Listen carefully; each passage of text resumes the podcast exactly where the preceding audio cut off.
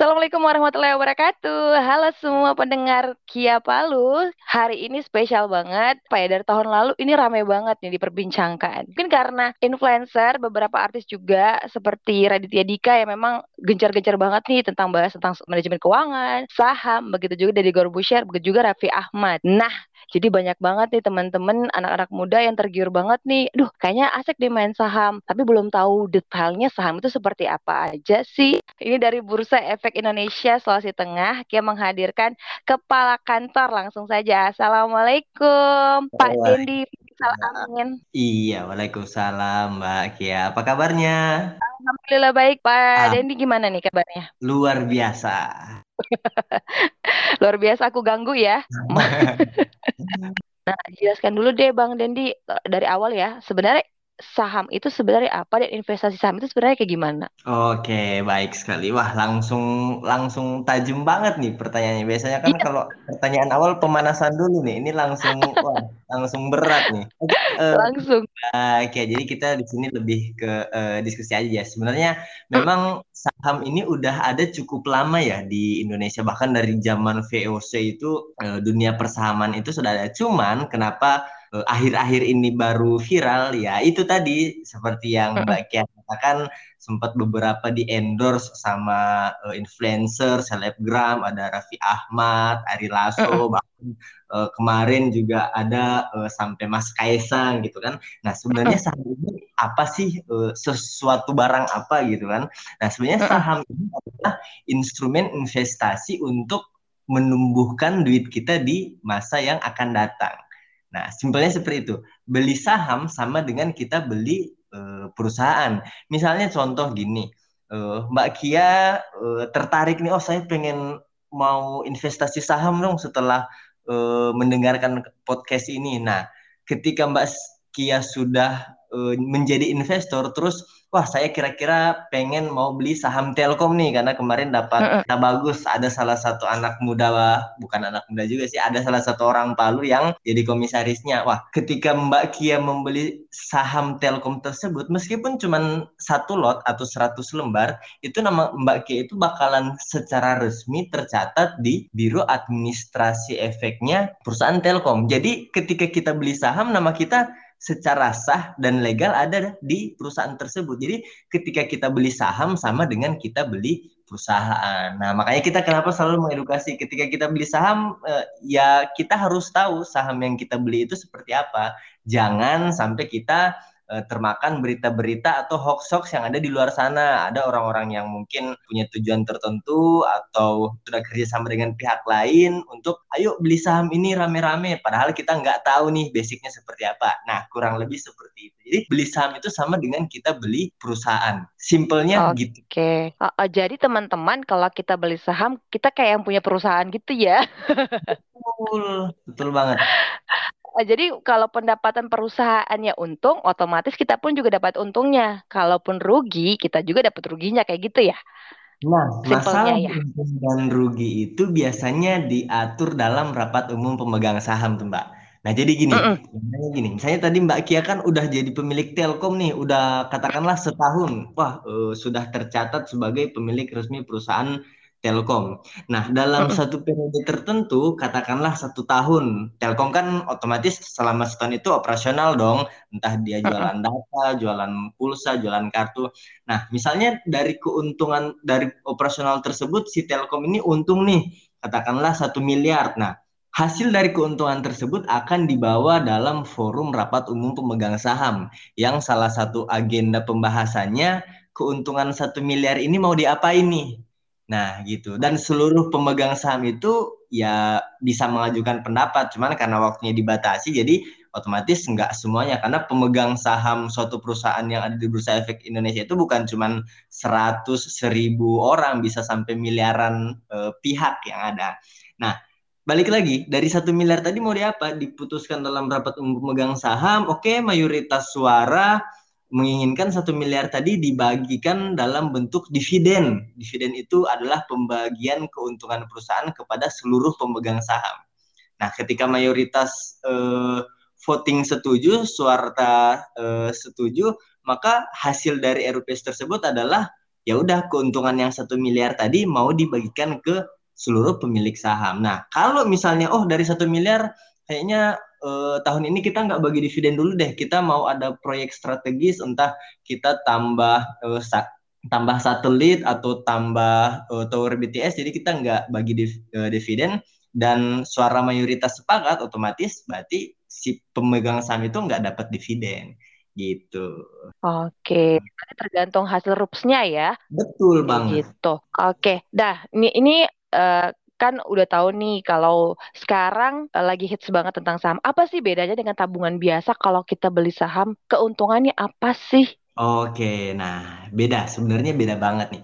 Kalau di saham uh, dari prinsipnya aja beda. Kalau tabungan kan kita tujuan dasarnya itu menyimpan kan, menyimpan untuk kalau misalnya ada keperluan kita bisa tarik. Nah, kalau untuk investasi di saham itu menyimpan untuk jangka panjang. Artinya kita mengharapkan keuntungan di masa yang akan datang bisa lima tahun, 10 tahun, 15 tahun bahkan lebih itu bisa. Nah, kalau apa e, perbedaannya antara dengan bunga tabungan yang paling mendasar itu biasanya pada saat kita melakukan pembukaan rekening saham itu kita nggak bakalan dapat buku tabungannya mbak gitu kalau kita buka rekening tabungan kan biasanya dikasih ATM dikasih buku tabungan gitu kan nah kalau kita buka rekening saham kita bakalan dapat nomor rekening tabu eh, nomor rekening RDN atau bahasa gampangnya nomor rekening rekening sahamnya sama aplikasinya. Aplikasinya yang nanti bakalan bisa kita gunakan untuk uh, jual beli saham. Nah, ada juga sering kita membandingkan ketika dengan tabungan dan saham ketika kita menyimpan duit di rekening saham dengan catatan kita nggak apa ya nggak melakukan pembelian saham artinya udah didemin aja gitu mengendap gitu kan. Kalau kita cek selama setahun atau dua tahun itu ya saldonya segitu-gitu aja. Dengan catatan kita nggak melakukan pembelian saham. Kalau misalnya kita belikan saham kan bisa dua kemungkinan bisa naik bisa turun atau bahkan bisa tetap. Nah, kalau kita balik ke rekening tabungan, khususnya tabungan-tabungan konvensional, misalnya kita simpan duitnya 100 ribu gitu kan, terus kita diemin ya setahun atau dua tahun, itu kan pas kita cek saldonya bisa uh, lebih rendah gitu kan, karena itu fungsinya juga udah berbeda antara rekening tabungan dan rekening saham ini gitu. Oke, berarti teman-teman kalau uh, saham itu sebenarnya untuk jaga panjang ya. Betul. Tuh. Berapa tahun kita uh, sabar menunggunya. Ya, nah asalkan ketika kita memilih saham itu kita harus tahu, kita, karena kita akan menaruh duit kita di perusahaan tersebut, kita harus tahu perusahaan yang mau kita beli apa. Misalnya kalau tadi kita cerita soal Telkom, ini bukan endorse ya, soal Telkom, uh -uh. minimal kita udah tahu kan perusahaannya apa, bergerak di bidang apa, terus yang punya siapa. Nah, minimal seperti uh, seperti itu aja ketika kita mau investasi saham. Oke. Nah, ini bedanya sama trading apa sih kan sekarang heboh banget nih kan trading dan orang pikir trading itu sama dengan saham juga nih jual beli saham. Bedanya apa sih nih? Nah, sebenarnya untuk investor saham itu ada dua tipe, Mbak. Pertama ada investor. investor itu lebih ke jangka panjang, kemudian ada lebih ke trader atau trading. Nah, trader itu gimana? Itu dia mem memperlakukan saham tersebut ibarat e, barang dagangan dari kata trade kan. Jadi dia okay. seolah-olah membuat saham tersebut sebagai barang dagangan. Bisa, bisa karena pergerakan saham itu tiap hari berubah dari jam e, 10 waktu Palu sampai jam 4 sore. Nah, itu selalu e, mengalami perubahan dan orang-orang yang disebut dengan trader yang mentradingkan saham dagang. Jadi beli barang atau beli saham di harga murah pas siangnya atau sorenya harganya naik langsung dijual cuan udah gitu. Besok cari barang lagi barang yang lain lagi. Misalnya beli sore jual pagi jual sudah selesai gitu. Jadi untuk investor itu ada dua tipe. Investor yang okay. untuk yang saham sekarang nggak perlu dilihat-liatin nggak perlu dipantau nanti dicek lima tahun, 10 tahun atau 20 tahun. Ada juga investor atau yang sering disebut dengan trader yaitu memperlakukan saham tersebut sebagai barang dagangan. Jadi bisa aja dia beli hari ini, jual besok, atau beli pagi, jual siang, atau sore, itu bisa, Mbak. Oke, jadi teman-teman bisa milih ya, mau yang jangka panjang atau mau cepat nih dapat cuannya. Cuman kalau trading ini, otomatis kita harus punya ilmu juga dong ya, dan standby tuh waktu-waktunya. Jangan beli yang rendah, tiba-tiba makin rendah, bukannya untung malah rugi ya. Iya, dan yang pasti punya paket data. Nah, ini kalau sekarang juga lagi hits banget tentang reksadana. Bingung lagi mereka, apa sih lagi reksadana? Itu kan masih banyak yang bingung teman-teman Kia juga bingung kan kalau Kia bisa bilangnya kalau mau mulai rata-rata orang rekomendasikan reksadana nah apa sih sebenarnya reksadana itu kalau Bang Dendi jelasin? Oke, singkatnya kalau saham itu kita punya duit, kita sendiri yang ngelola gitu kan. Kalau reksadana uh -huh. kita punya duit, kita kasih ke orang yang sudah ahlinya, yang udah dapat sertifikasinya, dia yang kelola gitu. Jadi misalnya kita oh. punya satu juta nih, oh satu juta kita pengen beli saham Telkom, saham Unilever, anggaplah terus saham mm -hmm. Bank BRI. Nah, itu segala keuntungan dan resiko kita yang tanggung kan. Kalau harga sahamnya naik kita dapat untung, kalau harga sahamnya turun kita juga ya mengalami kerugian di situ. Nah, kalau dengan manajer investasi, kita nggak perlu repot mikir. Seperti tadi yang Mbak Kia jelaskan, oh iya harus cari waktu, terus internetnya bagus, harus ada ilmunya. Kalau dengan reksadana itu nggak. Jadi seberapa duit yang kita punya, kita kasih ke manajer investasi, nanti biarlah dia yang akan mengelola duit kita sendiri. Otomatis beda hak dan kewajibannya pun beda, keuntungannya pun beda karena semuanya bakalan ditanggung oleh si manajer investasi. Kayak RUPS, RUPS ketika kita uh, investasi reksadana, maka si manajer investasi yang akan berangkat ke RUPS. Nah, pembagian dividen gimana? Pembagian dividen otomatis nggak masuk ke kita, masuknya ke si manajer investasi. Nah, biasanya kenapa orang eh, yang baru kenal investasi lebih ke reksadana? Karena biasanya nggak punya waktu, Mbak. Nggak punya waktu, terus uh, ilmunya juga masih kurang, mau nanya-nanya malu, akhirnya dipercayakanlah ke namanya uh, manajer investasi yang produknya itu adalah reksadana. Biarkan mereka yang mengelola, mereka yang ngatur. Jadi kita ya nggak perlu repot-repot belajar atau analisa atau lihat market atau lihat saham seperti itu. Nah, itu teman-teman buat kamu yang masih bingung, belum ada waktu ya bisa pilih yang reksadana tapi memang resikonya ya berbagi gitu ya. Akan nanti kalau untungnya pun tidak seperti kalau kita kelola sendiri. Kita harus membayar jasa dari stasi ini kan begitu. Betul. Ibaratnya kalau kita uh, di kehidupan sehari-hari kalau kita mau makan rujak ada dua pilihan. Pertama kita uh, bikin sendiri kan kita pilih buahnya, kita potong, kita uh, kasih rasanya. Yang kedua ya udah kita hmm. beli rujak yang udah ada di uh, mas-masnya gitu, yang ada di roda atau di gerobak gitu. Nah, jadi ya di situ ada resiko masing-masing dan enaknya masing-masing gitu kan. Oke, ada plus minusnya lah. Betul. Oke, nah untuk anak-anak muda nih, kalau menurut Bang Dendi, mana yang cocok untuk mereka? Apakah mau langsung mulai di saham atau mulai reksadana? Kan ada juga obligasi nih, bingung nah. lagi kan orang.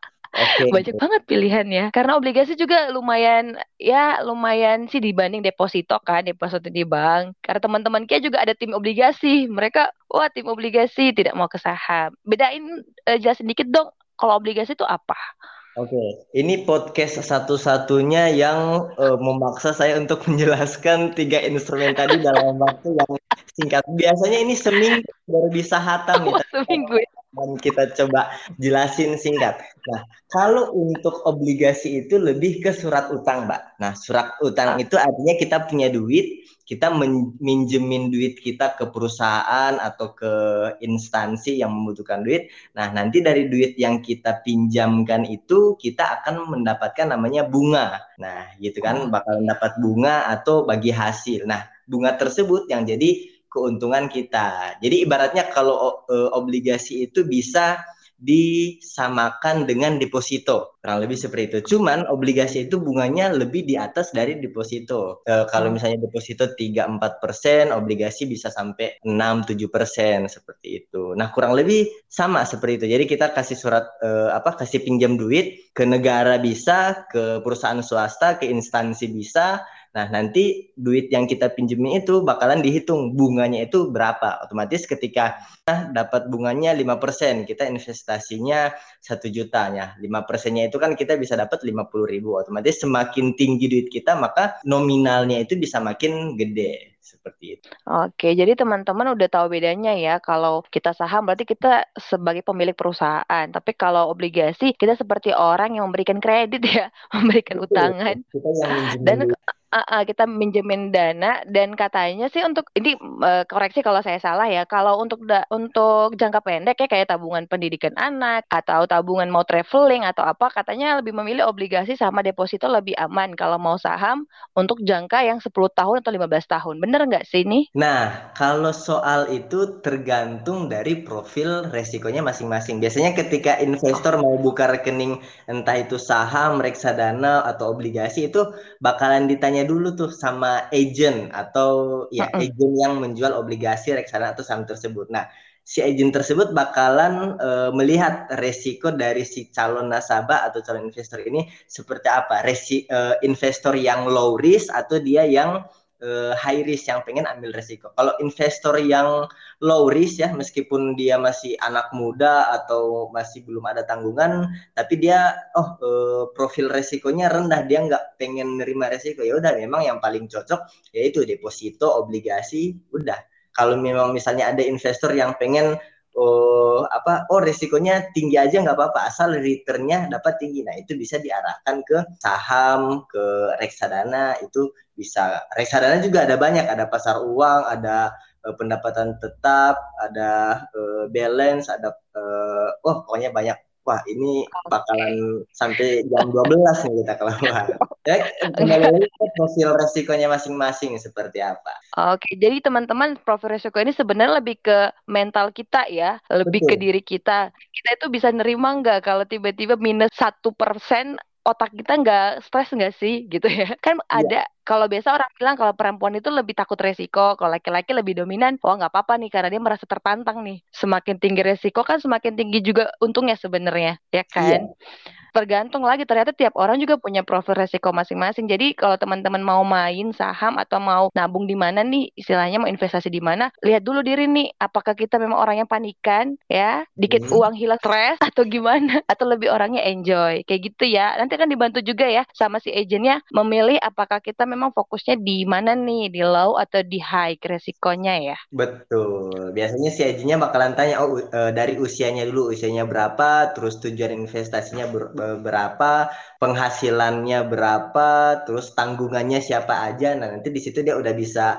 menerka-nerka oh ini orangnya uh, takut ambil resiko nih ya udah kasih yang obligasi aja deh gitu. Sekarang Kia mau tanya sama Bang Dendi nih apa aja sih persyaratan untuk anak muda untuk melakukan investasi saham dan dari umur berapa nih anak-anak muda bisa mulai investasi saham? Nah oke okay, pertanyaan yang bagus banget ya. Nah sejak kapan sih kita bisa investasi saham? Sebenarnya kalau untuk investasi kita bisa mulai dari sedini mungkin ya Mbak Kia. Cuman kalau untuk investasi saham sendiri minimal itu kita, eh, anak muda atau kita masyarakat udah memiliki KTP at least sekitar 17 eh, sampai 18 tahun asalkan kita udah punya KTP kita udah bisa tuh investasi di saham eh, bukan cuma di saham di produk-produk yang ada di pasar modal seperti tadi eh, sebelumnya yang bagi katakan bisa di obligasi, reksadana dan sebagainya. Nah, seperti itu. Jadi syaratnya ya minimal udah punya KTP dulu gitu. Oke, berarti punya KTP. Buku tabungan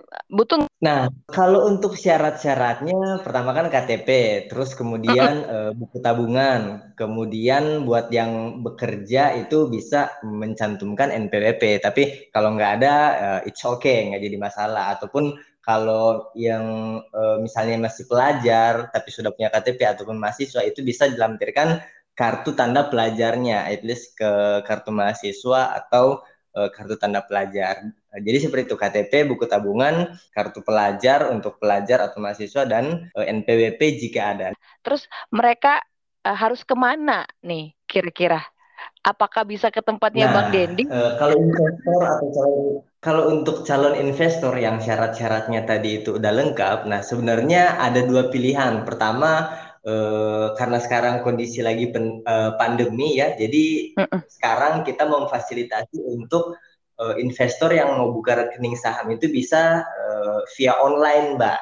Caranya tinggal mengunjungi website www.idx.co.id,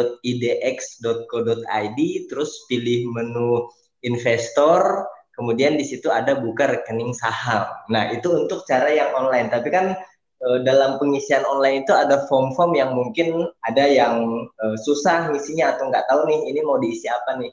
Nah, bisa juga untuk datang ke kantor kita. Di kantor kita uh, ada di Jalan Sudirman ya, di kompleks Transmart Carrefour, kantor perwakilan Bursa Efek Indonesia Sulawesi Tengah, atau kalau mau janjian bisa langsung DM ke Instagram kita, idx underscore sultan. Dan yang pastinya kita tetap menerapkan protokol kesehatan dan untuk yang pengunjung kita akan uh, apa ya tetap menjalankan protokol kesehatan dan kita uh, sistemnya by janjian. Jadi siapa janjiannya di jam berapa itu yang bakalan kita layani. Jadi seperti itu bisa lewat online ataupun bisa lewat tatap muka dan juga bahkan bisa melalui galeri investasi mitra kita. Saat ini kita punya uh, lima kampus mitra yang uh, memfasilitasi hal tersebut bisa di Setia Pancabakti, uh, Fakultas Ekonomi Untat, kemudian di IAIN Palu, ada juga di Unisa dan ada yang paling baru itu di Universitas Sintu Maroso Poso. Jadi buat investor yang misalnya ada di Poso nggak jauh nggak perlu jauh-jauh juga nih datang ke Palu. Jadi bisa melalui kampus Universitas Sintu Maroso. Seperti itu. Oke, berarti daerah Morowali di ya itu bisa dekat ke langsung ke Poso ya daerah. Sebenarnya kalau kayak Morowali, ya lumayan online. Oh, iya, buka online berarti ya teman-teman di Morowali atau di kabupaten lain bisa buka online. Dan bang minimal berapa sih modalnya untuk nah, awal? Nah, untuk minimal setoran awalnya itu seratus ribu mbak. Nah seratus ribu itu nanti bakalan eh, dikonversi menjadi saldo eh, yang ada di rekening saham tersebut. Nah jadi nanti ketika mau buka rekening saham itu bakalan eh, diminta untuk transfer di seratus ribu. Transfernya transfernya ke mana? Transfernya ke rekening saham atas nama yang bersangkutan sendiri.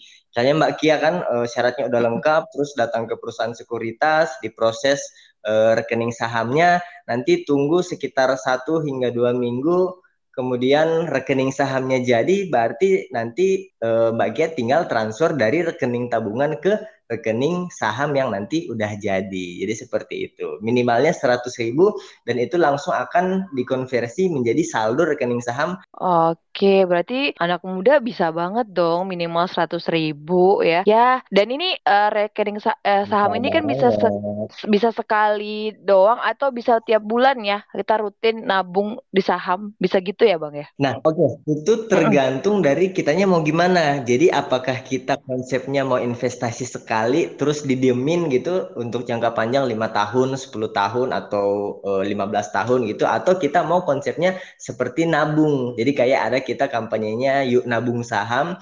Jadi uh, konsepnya sama sama seperti kalau kita nabung di bank ketika kita dapat penghasilan atau duit dari orang tua, kita menyisihkan ya, menyisihkan bukan menyisahkan menyisihkan ya lima puluh ribu atau seratus ribu. Nah, sama, tapi kalau di rekening saham lima puluh ribu atau seratus ribu itu langsung kita pakai belikan saham. Jadi seperti itu. Nah, keuntungannya apa? Keuntungannya ketika harga saham eh, yang kita beli itu naik, otomatis di situ kita bakalan untung dan kalau kita jadi investor jangka panjang, biasanya kita bakalan dapat kebagian dividen yang sebelumnya sudah eh, kami ceritakan gitu, Mbak. Oke, jadi ada pilihan nih buat teman-teman. Tapi kalau anak-anak muda ya yang masih ada uang jajannya, ya kalau pengen jadi anak-anak milenial, ya misalnya umur 20 udah bisa beli rumah nih ya. Siapa tahu kan bisa aja dari saham 3 tahun, 5 tahun lumayan banget tuh nyisihin 100 atau ya se minimal 100 ribu ya bisa ya. Pasti bisa sih anak milenial sekarang. Masa nongkrong-nongkrong di kafe minum-minum boba itu bisa gitu ya. Masa 100 ribu per bulan beli saham nggak bisa. Iya. Kalau ada teman-teman nih yang pengen tanya lebih lengkap nih, pengen tahu saham lebih detail, bisa nggak sih ke tempatnya Bang Dendi untuk Eh, cari informasi segala macem, nanya-nanya lebih detail gitu. Bisa nggak sih? Oh, bisa banget dong. Mau datang ke kantor kita, hayo, atau mau ngobrol uh, via WhatsApp bisa atau biasanya kita seminggu itu suka ada live Instagram. Nah, biasa yang investor-investor uh, baru atau calon investor gitu yang masih bingung nih uh, apa sih saham ini gimana cara gimana cara untuk uh, memulainya ya bisa bisa datang ke kantor atau uh, bisa ngobrol by WA atau di Instagram bisa kita feel free sih untuk uh, hal tersebut. Wow ini enak banget ya buat anak milenial jadi bisa Pastinya. cek Instagramnya ya. Sekali lagi Instagramnya di mana nih bang? Instagram kita di IDX underscore Sulteng. Dan di situ banyak banget loh informasi sebenarnya di Instagramnya udah lengkap banget tuh beberapa materi kan dibahas dan materinya gampang banget dicerna sih buat anak muda yang orang awam pas gak pusing bacanya. Kan biasanya gitu bang, kalau kita baca materi tentang saham udah pusing duluan. Nah betul tuh, bahkan ada konten-konten di situ kalau dilihat di highlight kita ada eh, konten-konten uh, uh, kita kerjasama dengan anak-anak di Palu, judulnya itu Lamango. Nah jadi uh. Lamango ini bercerita tentang gimana sih dia mau investasi saham dan dia sudah jadi investor. Nah, di situ juga make uh, bahasanya bahasa Palu. Jadi, mudah-mudahan bisa lebih gua uh, gampang buat dicerna buat orang-orang yang di sekitar kita gitu. Benar-benar dan ada juga yang lain Kelor kalau nggak salah ya. Kelor itu uh, salah satu program kegiatan dari kita, Mbak. Itu namanya kelas investasi ini buat uh, para investor baru yang uh, naik ke level berikutnya, nah mereka di situ bakalan diajarkan cara analisa, analisa uh, baik itu secara fundamental ya, lihat laporan keuangan perusahaan ataupun secara teknikal, lihat grafik. Nah itu biasanya lebih ke advance, jadi tujuannya agar investor yang mau beli saham ketika rekening sahamnya sudah jadi, terus masih bingung nih mau beli saham apa, nah di situ kita bakalan bahas. Ayo uh, kita lihat laporan keuangan perusahaan yang ada di Bursa Efek Indonesia. Nah, nanti kembali lagi ke investornya mau beli perusahaan yang seperti apa karena nanti di situ bakalan kelihatan oh ini perusahaan ini tiga tahun berturut-turut misalnya rugi oh ini ada perusahaan lima tahun berturut-turut untung tapi uh, kecil gitu. Tapi ini ada juga perusahaan yang tahun ini untung, tahun depannya rugi, tahun berikutnya lagi untung, tahun berikutnya lagi rugi. Nah, jadi seperti itu. Dan di situ kita ajarkan kepada investor untuk cara memilih saham yang menurut mereka itu uh, bisa menghasilkan eh, keuntungan di masa yang akan datang. Wow, luar biasa. Jadi ini teman-teman lebih baik ya kayak saranin ikutan aja karena kita jadinya bukan apa ya kan banyak sekarang bang ikut-ikutan doang. Jadi temannya beli ini kayaknya keren nih cuma ikut-ikutan doang. Jadi kayak main undian gitu loh nggak tahu apa yang dibeli. Betul, jadi lebih baik betul, lebih baik kita ikutan aja. Ini sama bang Dendi langsung di di IDX karena kebetulan ada di Sulawesi Tengah juga ada di Palu. Langsung aja ke tempatnya. Ikutan kelor wajib kayaknya ya. Apalagi anak-anak muda yang masih fresh banget nih. Anak-anak milenial. Kalian mau beli apa? Kayaknya udah bisa nih nabung 5 sampai 10 tahun. Mudah-mudahan udah bisa beli rumah. Segala macem ya dari saham. Nah terakhir Bang pesan-pesan nih buat anak-anak muda di Kota Palu iya. dan Sulawesi Tengah. Pesannya buat mereka apa nih? Oke okay. uh, eh, salut banget buat anak-anak muda di Kota Palu kreatif bahkan kita juga yang di Sulawesi Tengah ini yang paling mendominasi dari eh, anak-anak uh, muda milenial ya. Pesan-pesannya buat mereka uh, tetap uh, berkarya gitu ya. Terus belajar karena zaman sekarang udah makin modern, udah makin banyak uh, teknologi, udah makin banyak penawaran-penawaran investasi yang ada di sekitar kita ya, baik itu yang legal maupun yang enggak. Jadi hati-hati uh, dalam memilih karena minimal kita tahu, kita tahu produk investasi yang ada di sekitar kita, baik yang legal atau yang enggak, dengan kita tahu seperti itu, maka kita bisa memilah dan memilih kita bakalan investasi ke arah mana. Dan buat komunitas-komunitas yang ada di Kota Palu juga eh, kita membuka kerjasama buat komunitas-komunitas kalau memang mau dilaksanakan edukasi eh, via Zoom secara online ataupun tatap muka karena biasanya kan kalau eh, ngobrol atau diskusi atau sharing sama teman-teman sekomunitas gitu itu kan jadi enak karena frekuensinya sama. Nah, kita juga bisa uh, seperti itu gitu. Mungkin itu aja dari saya Mbak Kia. Oke, thank you banget, Bang. Insya Allah kalau aku di Palu ya, aku main-main ke kantornya. Oke. Biar lebih enak mau... ngobrolnya. Iya, penasaran banget kita pengen ngobrol online nih. Uh, sorry, ngobrol langsung tatap muka. Langsung. Iya. Bener. Mudah-mudahan nanti uh, secepatnya dan nanti bisa buat konten lagi ya, Bang. Oke, siap. Secara offline pastinya ya. Nggak perlu pakai jaringan lagi, Bang. Iya.